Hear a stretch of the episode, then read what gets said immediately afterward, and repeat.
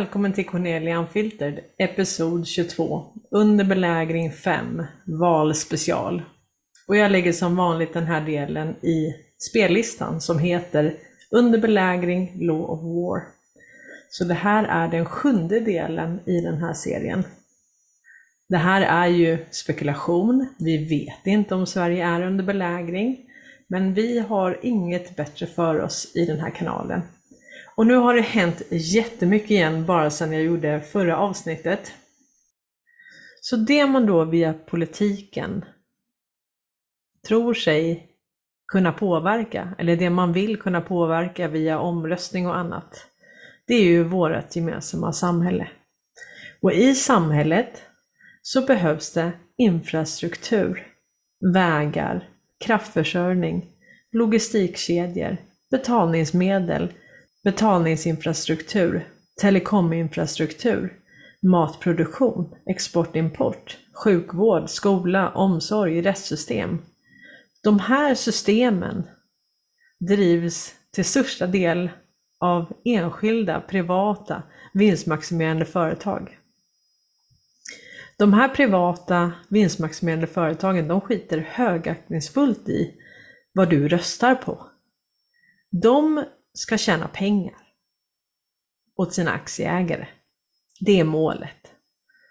Så allt handlar om att krama ut den sista kronan på bekostnad, ja, det är ju vi som får betala för det. Så det är på bekostnad av dig och mig. De flesta har ju inte ens tänkt så. De vet inte om hur systemet fungerar. De vet inte att det är ett ekosystem så att säga som fungerar globalt, som måste fungera globalt. Vi behöver importera, exportera och så vidare. Men många av de här som kommer in nu, ja, de har ju upptäckt korruptionen och så tänker de att nu ska vi gå in i systemet för att påverka det här. Men måste man verkligen gå in i ett korrupt system som är skapat för att lura, bedra och stjäla från dig och mig? Så man måste typ bli en tjuv för att kunna ta en bov. Eller? jag fattar inte. Jag tror i alla fall inte att det är så. Och det här systemet bygger på förtroende. Och Martin Stensö ringde ju till Valmyndigheten som knappt finns och han blev kopplad hit och dit. Och då sa de ju att det var lite problem med de här röstkorten som skulle gå till utländska utlandssvenskar så att säga. Och nu utreder SD ett omfattande sabotage där varannan person har fått fel röstsedel. Eh, det är ju väldigt konstigt att eh, Trollhättan får eh, Lilla Edets valsedlar och Lilla Edet får Trollhättans valsedlar och Vänersborg får Hallands och valsedlar. Det, det är väldigt märkligt och det är ju fel på ja, varannan jag har frågat det känns ju väldigt konstigt att man ska få sådana problem eh, få dagar före valet. Det, nej, det, det känns inte bra alls överhuvudtaget. Och med tanke på att valsedlar kan manipuleras och flera av de här nya partiernas system, det är ju omröstningar digitalt så att säga. Och det går ju i samma telekominfrastruktur som har kontrollerats av Ericsson och sen och som nu kontrolleras av det amerikanska justitiedepartementet som också haft fingrarna i syltburken. Så i dagsläget är det med största sannolikhet den amerikanska militären som kontrollerar telekominfrastrukturen i Sverige och 184 länder. Och det kanske man ska tänka lite på när man promotar ett eh, digitalt omröstningssystem hur lätt det är att manipulera. Och som vi har pratat om i The Ericsson Report så behöver du ju inte ens programvaran Dominion som är röstningsprogramvara så att säga. Du behöver inte ens det för att manipulera valsedlar utan det kan du göra direkt om du kontrollerar telekominfrastrukturen, DNSer och har nycklarna till internet som vi har pratat om. 2018 så skriver Ny Teknik så här. Därför är det bra att du inte får rösta med mobilen. Då står det så här, svenska regeringen brukar säga att Sverige ska vara bäst i världen på att använda digitaliseringens möjligheter. Men i årets riksdagsval är det fortfarande papper och penna som gäller. Det är nog säkrast så. Men vi vet ju vad som hände 2018. Det blev en överbelastning på sidan, så man pausade rösträknandet och sen några timmar senare så var det ett helt annat parti som låg i ledningen. Och vi vet ju att det har varit de här företagsintressena som samverkar globalt för sin egen nytta, även kallad djupa staten.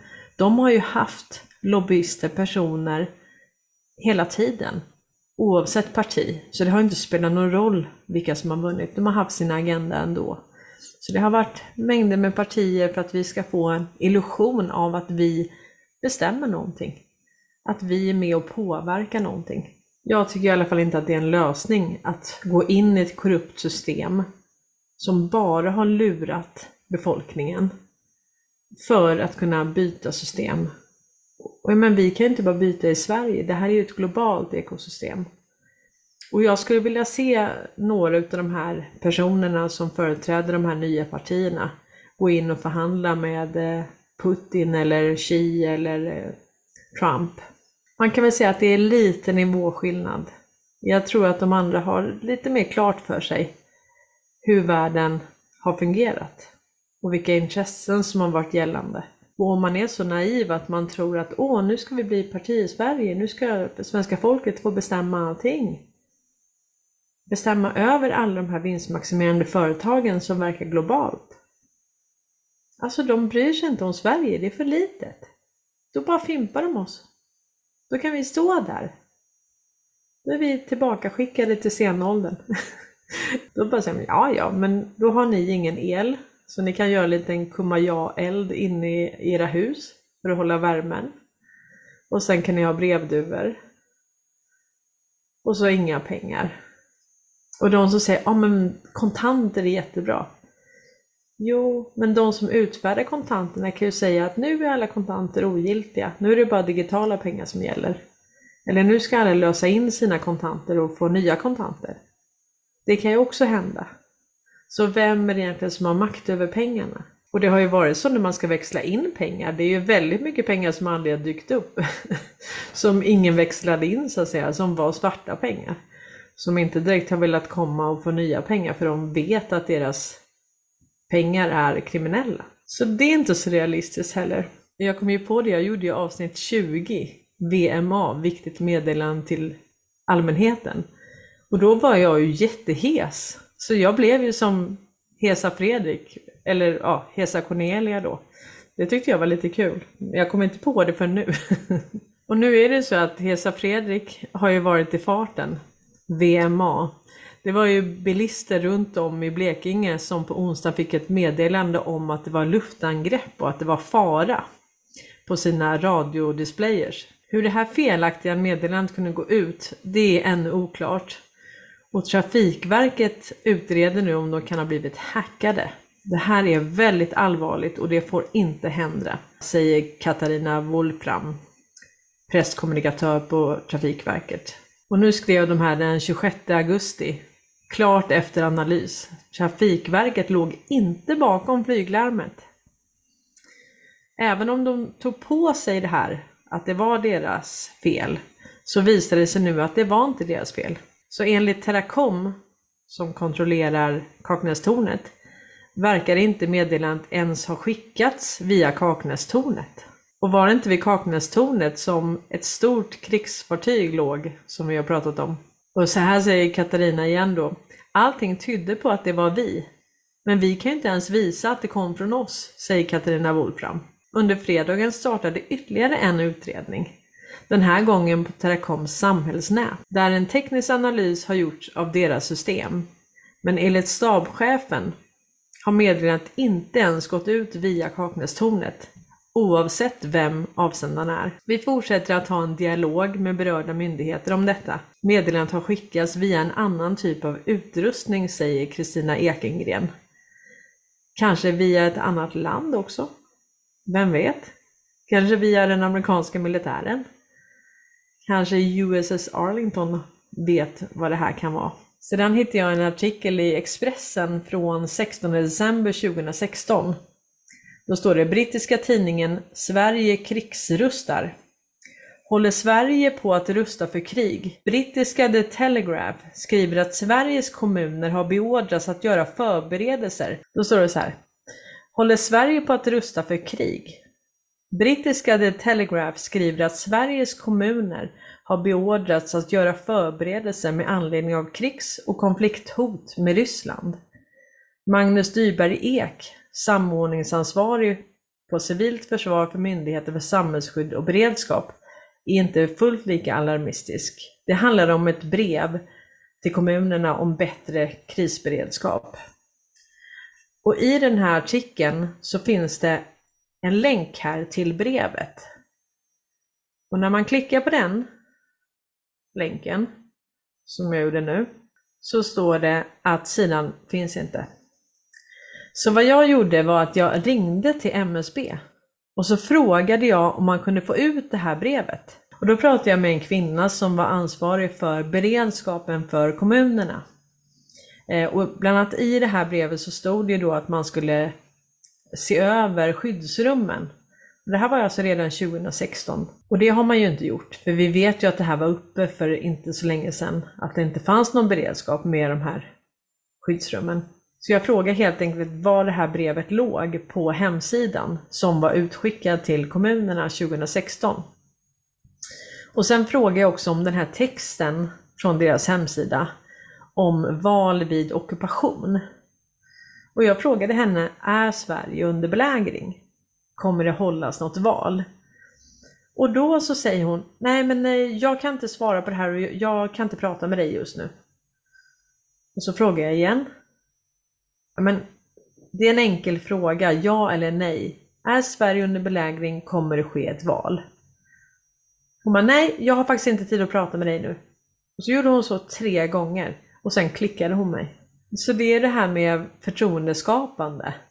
När du ställer en enkel fråga tre gånger och de bara undviker frågan, svarar inte och sen klickar dig i luren. Vad ska man tro? Så nu tycker jag att alla slänger sig på luren och ringer till MSB 0771 240 240 och ställer lite frågor sådär. Hur de tänker kring valet och säkerheten och alla de här som inte har hämtat ut pass som Martin Stensö ringde och frågade om. Hur tänker man kring dem? De som har många identiteter, röstlängderna. Hur har MSB förberett sig för det här valet egentligen? Och kommer det ske något val om Sverige är ockuperat? Lite sådana frågor kan man ringa och ställa till dem tycker jag. Det vore kul. Och sen skriver Försvarsmakten så här 18 augusti 2022. Under torsdagen samövnade Försvarsmakten på nytt med amerikanska Bomber Task Force och norska flygvapnet. Svenska JAS 39 Gripen eskorterade in ett antal B-52 Stratofortress över svenskt luftrum. Svenska markförband pekade sedan ut mål i terrängen på Witzels skjutfält som bekämpades med skarpa bomber av B-52orna. Amerikanskt bombflyg har idag tränat i svenskt luftrum tillsammans med det svenska försvaret i vad som beskrivs som en unik övning. Planen fällde skarpa bomber mot mål på Vidsel skjutfält i Norrbotten. Det säger försvarsminister Peter Hultqvist. Det är två B52 då som eh, har samövat med svensk markpersonal och svenskt luftförsvar och eh, där det har genomförts då bombfällning. Och eh, det här ingår i de säkerhetsförsäkringar som vi har då med bland annat USA. Säkerhetsförsäkringarna som försvarsministern beskriver handlar om att Sverige garanteras hjälp av andra NATO-länder om vi blir angripna. Och det gäller även nu, innan vi har hunnit bli fullvärdiga medlemmar av NATO. På senare tid har trupp från flera länder varit här i Sverige och övat. Idag var första gången som amerikanska bombplan använde skarp ammunition på svensk mark. Det här är en viktig övning med en viktig signal. Si Holmgren, Ekot. Det är första gången sedan Försvarsmakten började öva med amerikanska Bomber Task Force som skarp ammunition används. Det är mycket militärer på plats. Här i Skåne nu den 27 augusti så var det svensk-amerikansk militärövning på Österlen Extremt ovanligt. Och här fick den svenska militären alltså en vecka på sig. Vanligtvis brukar det här planeras 18 månader i förväg. Här på Ravlunda skjutfält i Simrishamn så övar Försvarsmakten på att inta en by. Men det som gör den här övningen ovanlig är att den sker tillsammans med den amerikanska marinkåren. Yeah, we were here in the Baltics and we took the opportunity to work with a, a partner force within the Baltics. Det kom eh, med kort framförhållning men eh, eftersom vi alltid är redo så är det inga problem. För första gången på väldigt lång tid så övar vi med eh, amerikanska förband då på svensk mark. Det är något nytt för mig då personligen. Och det är det skånska regementet P7 som tar emot amerikanerna. Small differences in how we do maybe some combat life-saving things, um, maybe some close quarters combat things, but all in all like both forces are pretty similar. Deras utrustning är ju betydligt bättre än vad våran är så att, eh, men vi löser ändå ut vår uppgift eh, på samma nivå ändå tycker jag. Totalt är det 350 amerikanska soldater som övar på Österlen tillsammans med det skånska regementet P7. Och övningen kommer att pågå till den 1 september.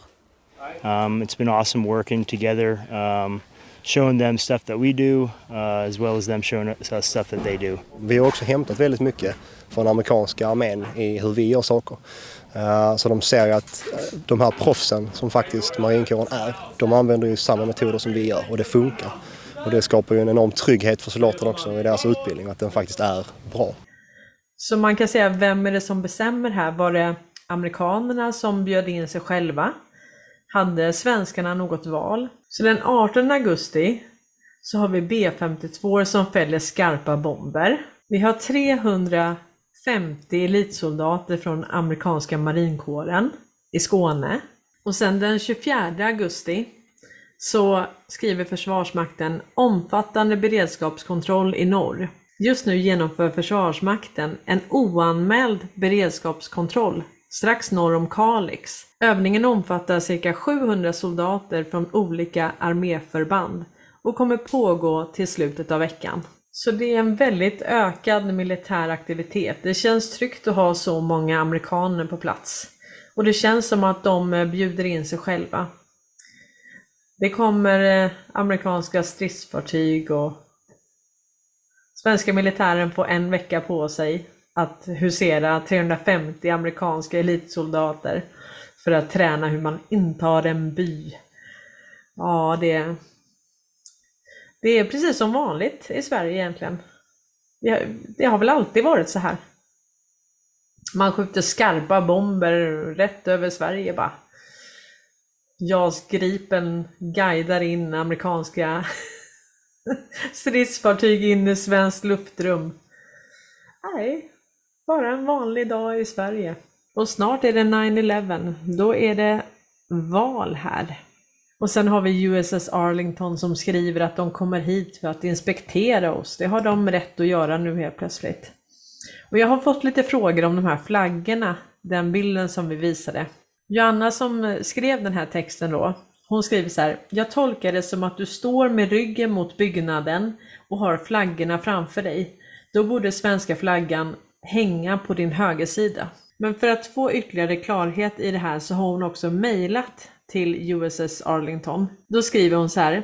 19.08.22 var USS Arlington på hamnbesök i Stockholm och kaptenen Eric Kellum genomförde en inspektion av svenska kungliga gardet, alltså Livgardet. Enligt riksarkivet.se och er egen hemsida, försvarsmakten.se, ska svensk flagga alltid hissas på högersidan om det finns två flaggstänger. Och hur förklarar man att det under kapten Kellums besök hängde den amerikanska flaggan på den hederliga högersidan?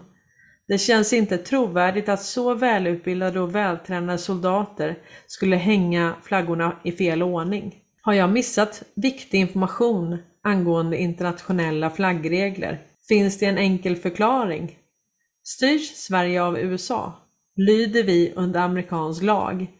Jag uppskattar om ni kan svara på mina frågor, så jag återkommer när hon får svar.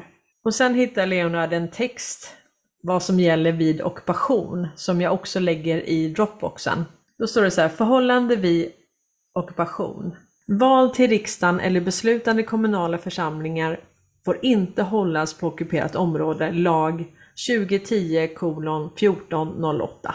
Och sen var det en som skrev på min Youtube att eh, val ska hållas den tredje söndagen i september. Och det stämmer enligt lagen 1997. Men 2005 så kom en ny lag som säger att det ska ske den andra söndagen i september. Så 2014 och 2018 så var det den andra söndagen i september. Men den här lagen antogs 2005. Så det är ganska intressant att valet 2010, alltså fem år efter den lagen trädde i kraft, då genomfördes valet den tredje söndagen i alla fall. Och sen 2021 så gjorde man ytterligare kompletteringar till den lagen som antogs 2005. Så nu har vi rätt ut det. Och det är ju det som är så underbart med det här communityt, att alla vi bara gräver. Och det viktigaste är att hitta sanningen. Och när man söker på internet och så, så är det så att gamla dokument ligger ju kvar. Så det är viktigt att man kollar vilken var den senaste versionen så att säga. Vi är ju i ett stingoperationsbaserat folkbildningsprojekt.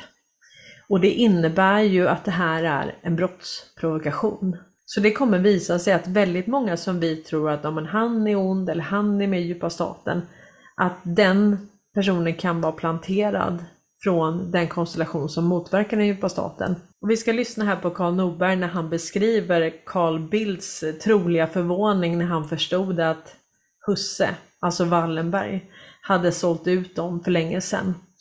Och att de spelade dubbelt. Eller så kan man se ut som Annika Strandhäll gör på den här bilden. Men nu ska vi höra vad Karl Norberg säger. Epsteins mentor blev liksom eh, satt i fängelse då eh, för det här Ponzi-kör där och, och han, han, är funnen död nu. Just den här tiden alltså när man kommer på att de ovanför har sålt ut den liksom. Det är en konstig tid att dö helt enkelt alltså. Det kan ju vara massa skäl till att han dog naturligtvis. Men alltså att man, även om man så att säga, tar sig själv av dagar så är just tidsvalet just nu, det måste man anse vara hyfsat speciellt alltså. Det är faktiskt eh, inga lösa ändar i den delen då, i alla fall under en annan som möjligtvis har gjort någonting. Men det är nog snarare så att eh, det är nu det här, alltså, att säga, de, an, eller de många väljer den lätta vägen. Det här är ingenting man vill stå kvar med då, när man vet då att den man har trott man har hjälpt då hela tiden för att få belöning av, i själva verket då har gått bakom ryggen på och samarbetat med den fiende man ser själv, eller man har kämpat mot. Då. Det är ju, det är ju sådär alltså. Men, men det är ju lite av lotten där alltså. Det är avskyvärda människor på det viset, alltså när det gäller moralisk kompass och såna här grejer. Det är, ja, vad sa Vladimir Putin där om förrädare? Han gillar dem, va? Eller gjorde han inte det? Nej. Och, och att för, förråda landet för egen nytta. Mm. Men det skulle ju aldrig en svensk politiker göra. Alltså, det är ju bara att konstatera det. Alltså. Och, och med den amerikanska militären i kontroll över Investor. Mm. Hur fan kan det här vara upplagt alltså? Ja, hur var det med Kearsarge och, och sen kom det en till sån här hoj då. Lades i Värtahamnen där nära till Kaknästornet och vidare. Och så tappade man bort det här VMA-lösenordet och instruktionerna. Och, och, då vart det fel i, i Småland häromdagen. Ja, ja, men det kommer tillbaka till det. Igår va?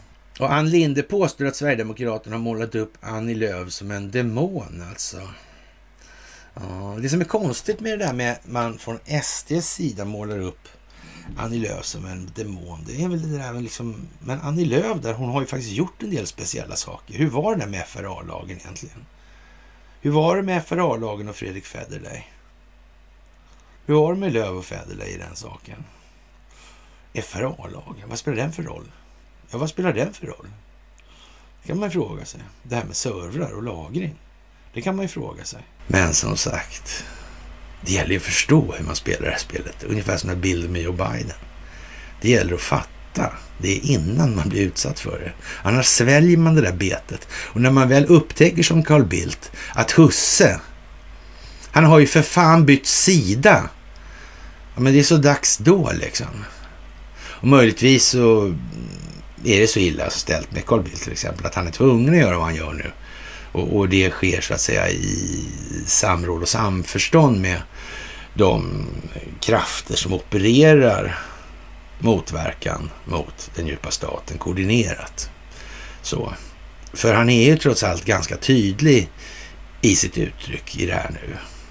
Det är ingen som kan missta att han är, ja, ska framstå som helt dum i huvudet liksom. Det, jo, han är ju riktig marknadsförare, men frågan är om han... Det är väl upp till var att bedöma kanske. Och apropå stingoperation, där det kan vara svårt att veta vem som är vem, så har nog Donald Trump Jr, han har tröttnat lite på hur Klaus Schwab utmålas som att han skulle vara hjärnan bakom någonting. Så han la upp den här bilden. Hur kan man veta att någon är en riktig gangster? Det är inte så att de skulle klä ut sig i en kostym och ha en tysk brytning, precis som i filmerna. Så skriver Tobias Ekman så här. Jag vet inte, men det känns som att det enda som saknas är katten och en mini-Schwab. Katten har ju hjälpt mig med det här avsnittet. Så nu ska vi inte tala illa om katter här. Vågat ändå att håna mörkrets härskare. Hashtag eftertanke. Kan det vara optik? Kan det vara optik redan från början? Kan det ens vara på något annat sätt? Så det är väldigt viktigt att inte panta in sig för hårt i ett narrativ nu. För att det här är en brottsprovokation. Tanken är att man ska fälla hela systemet uppifrån och ner och nerifrån och upp. Så alla de som tror att de följer Husses instruktioner som bara blir dummare och dummare och dummare. Men samtidigt så vågar de ju inte kanske inte följa Husses instruktioner. Men någonstans är det nog fler och fler som har insett att oh oh, det här är, jag är utsåld. Jag har gått in i en fälla.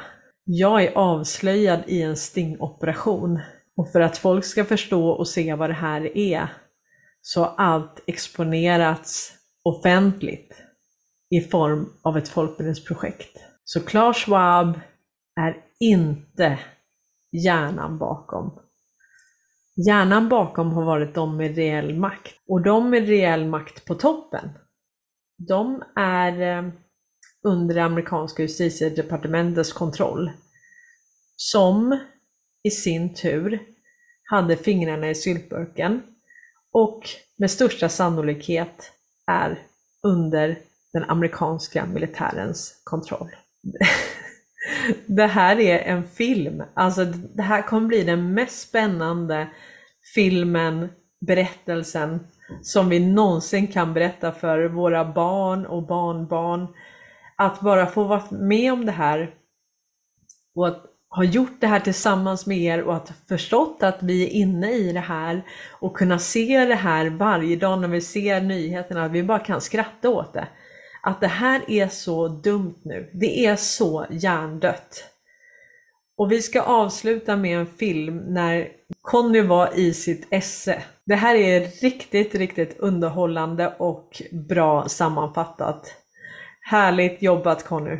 Tack så mycket för att du har lyssnat, tack för att du delar den här informationen och tack för att du stöttar den här kanalen.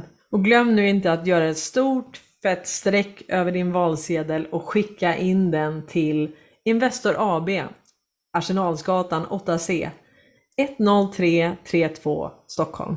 Det, alltså, det är så här också. Jag, jag träffade faktiskt en snubbe en gång som var jävligt hög i ABB. Eh, och de levererar då kärnkraftsutrustning till Iran under sanktionerna. Och han sa det var, det, var, det var krångligt, sa han. Det var svårt att få in det där. Men vet du vad det svåraste var att få in? Nej. Det var pallarna med kontanter som användes för att muta folk. Det var det svåraste att få in. Inte, inte reaktordelarna och sånt. Det, det var inga större problem att få in. Men pallarna med kontanter, det var det svåraste att få in. Ja, de kan de inte spåra sen. Alltså, Men fick du dem ifrån? nej, Alltså, men mycket annat kan spåra. Jag kan säga att den här, den här herren, han målar inte sådär görbra nu, troligtvis. Han vet ju vad han har gjort liksom. Och nu kommer räkningen som jag sa innan. Vad tänker Och det du om är- det här Fagge? Ja, eh, sen så var det ju också i med Ukraina och de här biolabben där. eh, De tog eh, hit till Sverige massa Jajamän. forskare därifrån. Ja, och ett helt jävla labb. Ja. Jajamän. Och det var, man Wallenberg. sa att det var Och då- Wallenberg som gjorde det. Ja, ja. Och då ska man också veta det. Samma när den här jävla covid-idiotin bryter ut. Alldeles i början. Då plockar de här massa skit ifrån Kina. Wallenberg. Det, är bara, så det, det har stått i svensk media till och med. Plocka in vad? Massa Jag har det bio... rakt framför Massa mig. labbutrustning och skit och grejer. Står det Wallenberg tog hit massa labbutrustning Ja, eller är det bakom stod något företag? En bild på Jakob Wallenberg, han tog tåget med en reaktor på ryggen. Mer, mer, eller, min, mer eller mindre faktiskt. alltså, hem till reaktorn, jag kommer sen. Nej, Men jag tänker, för jag, jag tänker att Wallenberg, de kanske har massa sådana företagare så att det står att typ är eh. Östron eh, Pacarninga tog hem de här grejerna till Sverige och så ska man typ bara veta då att det är Wallenberg. Men det kanske stod Wallenberg. Det var ingen... Det Ja. står Wallenberg. Vad spelar det för roll tänkte jag? Ja, vad betyder det att de Ja, gjorde men Ja, då kan vi ju lätt se liksom. Vem Det spelar en jävla roll, speciellt när kineserna uttryckte sig så här, och jag citerar ordagrant. Den senaste tidens svårigheter beror på ett fåtal svenska individer som på ett brutalt sätt har lagt sig i Kinas inre angelägenheter. Det här sägs samtidigt som USA säger att Ericsson är ett eh, nationellt säkerhetsintresse. Samtidigt som Ryssland jagar nazister. Samtidigt som Erdogan kräver att få ut massa terrorister från Sverige. ja. Ser det bra ut som fan för det här landet eller? Är det skitsvårt att få ihop det? Ja, det var det. Nej men jag, alltså, nej, det, nej det är det inte. Alltså det, det är så här också. Ericsson har mer investerat i Kina än vad hela Kina har i Sverige. Kina, alltså Ericsson deläger Panda Electronics företag ihop med kinesiska staten. Tror du USA tycker det är jättebra? Fast i, Och hur fan kommer... Ja, det- det- det- nej, nej, vänta ja. här nu. Hur fan kommer det sig när DO Department of Justice tar alltså kontrollen över Ericsson? Det är det jag menar. Ericsson finns i Kina också. Varför säger inte Kina någonting? Så du menar att USA Du, har... var, varför, varför, varför är Kina okej med att Department of Justice har kontrollen över Ericsson som i sin tur finns i Kina? Det skulle kunna vara för att de faktiskt samarbetar. Det skulle kunna vara så. Hur, om du identifierar det här problemet. Du, du, du ser liksom, fan vi har en djup stat. De har hållit på länge. De har det liksom banksystemet, det är kraftproduktion, det är telekominfrastrukturen. Hur i helvete ska du motverka det? Hur fan ska du bära dig åt? Ja, en sak är säker. Du kan inte göra det själv. Du måste göra det ihop med andra. Det finns inget annat sätt. Eller? Det, alltså, nej. Nej. Och det, det, det gör de också. Det konvergerar så in i helvete mot Sverige här nu och det kommer komma ännu mer. Men det är det jag menar, vad kommer komma och vad kommer hända? Alltså höja Vad bensinpriserna Vi kommer att bli mer. ruinerade. Jag menar, hur hade du gjort? Jag hade, det beror ju på, för det finns så många parametrar som man inte vet. Liksom, va? Ja. Men jag hade definitivt kunnat tänka mig att göra så här, att vi ruinerar Wallenberg. Nej. Vad händer med Sveriges ekonomi då? Eftersom Wallenbergs ekonomi Den är graffa Sveriges ekonomi, totales. mer eller mindre. Ja. Så hade jag gjort om jag var jag ruinerar de jävlarna. Nej, helt nej, nej. Investera Investor. Investera Investor. Och, det, och därför misstänker jag att det är vad som kommer att ske också. Det kommer bli fattare och fattare här liksom. Tills folk reagerar tillräckligt mycket. Liksom, tills de fan börjar fatta någonting och börjar förstå lite grann kanske att det kanske inte är så jävla bra att ha enskilda vinstmaximeringsintressen som har hand om de grundläggande strukturerna i samhället. Som strömförsörjning, Ja, alltså- som telekominfrastruktur, som bankväsende.